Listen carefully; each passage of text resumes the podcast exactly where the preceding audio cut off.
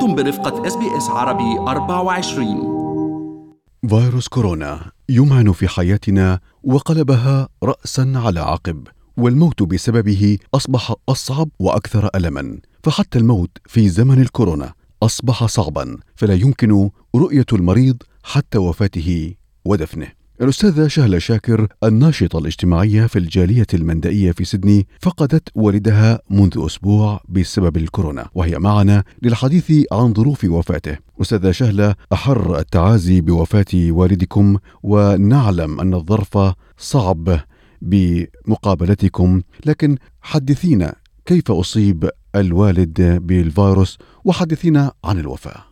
شكرا لك شكرا لكم جزيلا لهذا المقابلة اليوم وأني تعرف في فترة حداد فقداني والدي وأنا شهلة شاكر من الجالية المندائية والدي مستشار جمعية هميان المندائية لكبار العمر. أستاذة شهلة طبعا نعلم أنه الظرف صعب يعني بمعاناتكم طبعا بوفاة الوالد فرحمة الله عليه. خبرينا كيف أصيب الوالد بفيروس كورونا؟ والدي في يوم 8 7 يوم ال... كان يوم خميس وقع بالبيت جت ال ambulance أخذته للمستشفى. فطلع عنده شوية نزف بالدماغ فعالجوه. هو شفي من المرض بس من ردنا نطلعه قالوا دنشكوا بوالدكم يكح في يوم 29 سبعة أصاب والدي بالكوفيد 19 انعدى من ال nursing. أعطوها بالإعلام الأسترالي أنه في ممرضة كانت في مستشفى ليفربول وهي مصابة بالكوفيد. فانصاب والدي فما بقى 12 يوم وانطاك عمره. بعد ما تحمل يعني الألم وصار عنده مضاعفات وما شفناه يعني إحنا اللي شيء قهرنا إنه إحنا ما شفنا والدي يعني كان ندعمه معنويا كان نحكي معاه كان نداري ما شفناه يعني ما ما خلونا نشوفه. وظروف الحجر اللي كانت من يوم 9 7 تتذكر وبعدين تمددت 23 7 وكل هاي الفترة وإحنا ما شفنا والدي. طيب بعد ما عرفتوا إنه الوالد رحمة الله عليه أصيب بكورونا كيف كنتوا تتواصلوا معاه؟ ولا خلاص انقطعت كل وسائل التواصل كيف كنتوا تطمنوا عليه بالمستشفى كان أخي يتصل بالمشفى يظل ينتظر الدكتورة على ما تخابره وتخبره إنه أبوك هيك حالته هيك زين هيك يعني ان ننتظر تليفون من عندهم فقط لأنه كان ممنوع إنه حدا يروح للمشفى. تعرف قوانين البلد والحجر ما كان يسمحوا لنا إنه نشوف الوالد. فأنا يوم 8 8 قررت إنه أتصل بيهم وحكيت معاهم. قلت لهم هسه أشوف والدي. كيف ما بنشوف والدي؟ يعني راح يصير لي 30 يوم أنا ما شايفه تدري؟ 33 يوم أنا ما شفت بي ففتحوا لي التابلت يوم 8 8 شفت الوالد كان وضعه كلش تعبان ما بيحكي. وأنا أنادي عليه ما بيسمعني. بعدين قلت له دادي اني شهله بس قال لي ها هيك جاوبني. ثاني يوم الصبح قالوا حالته سيئة وانطاك عمره يعني ما شفته والله ما شفته ولا لمسته ولا ودعت الدادي. نعم. رحمة الله عليه. طيب رحمة الله عليه الوالد شاكر صالح رشود طبعا يعني هو تقريبا بعمر 83 يعني هو من مواليد 1938 تقريبا رحمة الله عليه. هل أستاذة شهلة الوالد يعني أخذ لقاحات كورونا؟ ما أخذ لقاح ما لحق لأن هو أصلا عنده جلطة يعني كان مريض. ضمن استشارة الدكتور قال ما ياخذ هالوقت تعبان ومريض عشان هاي الجلطة اللي عنده والنزف ما أخذ. بس أنا أخذت كوفيد أخذت أول جرعة مال AstraZeneca في 31 سبعة ورحت لل hospital بنفسي. قلت له بس أشوف ال daddy بس أحكي معاه يعني حتى لو من الشباك من الباب بس أطمنه يعني بابا ما بيعرف لا يعرف لغة ولا يعرف شو صار له. يعني مريض ما شفناه. ليش؟ هو حقيقة هاي من الأشياء اللي تدمي القلب إنه كورونا بيخلي الواحد ينعزل عن أهله وعن ناسه حتى في أحلك الظروف في هذه الأوقات. طيب أستاذة شهلة بعد وفاة الوالد رحمة الله عليه شو صار؟ كيف كانت الإجراءات؟ شو يعني فهمينا شو صار بعد هيك؟ اتصلوا فينا المشفى إنه توفى الوالد يوم تسعة ثمانية إنه سوينا الإجراءات أعطونا إياه المشفى ورا يوم يعني 11 11 8 ودينا الدار حق المجنة وسمحوا لنا ب 10 أنفار فقط من عائلته وطبقنا القانون.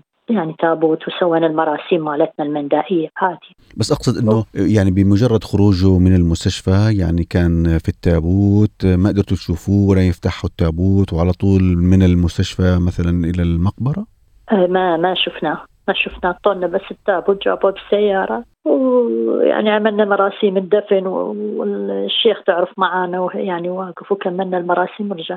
ما شفنا على أساس كوفيد شو عرفت؟ كوفيد كوفيد. طيب أستاذة شهله قد إيه صعب إنه إحنا نودع أحبائنا في زمن الكورونا؟ يعني حتى الموت صار صعب إنه ما تقدر حتى تفتح التابوت تشوف آه، يعني اللي بيعني لك وتعطيه لحظة الوداع. أو حتى تكون معاه في لحظات اللي هي يعني ما قبل وما بعد.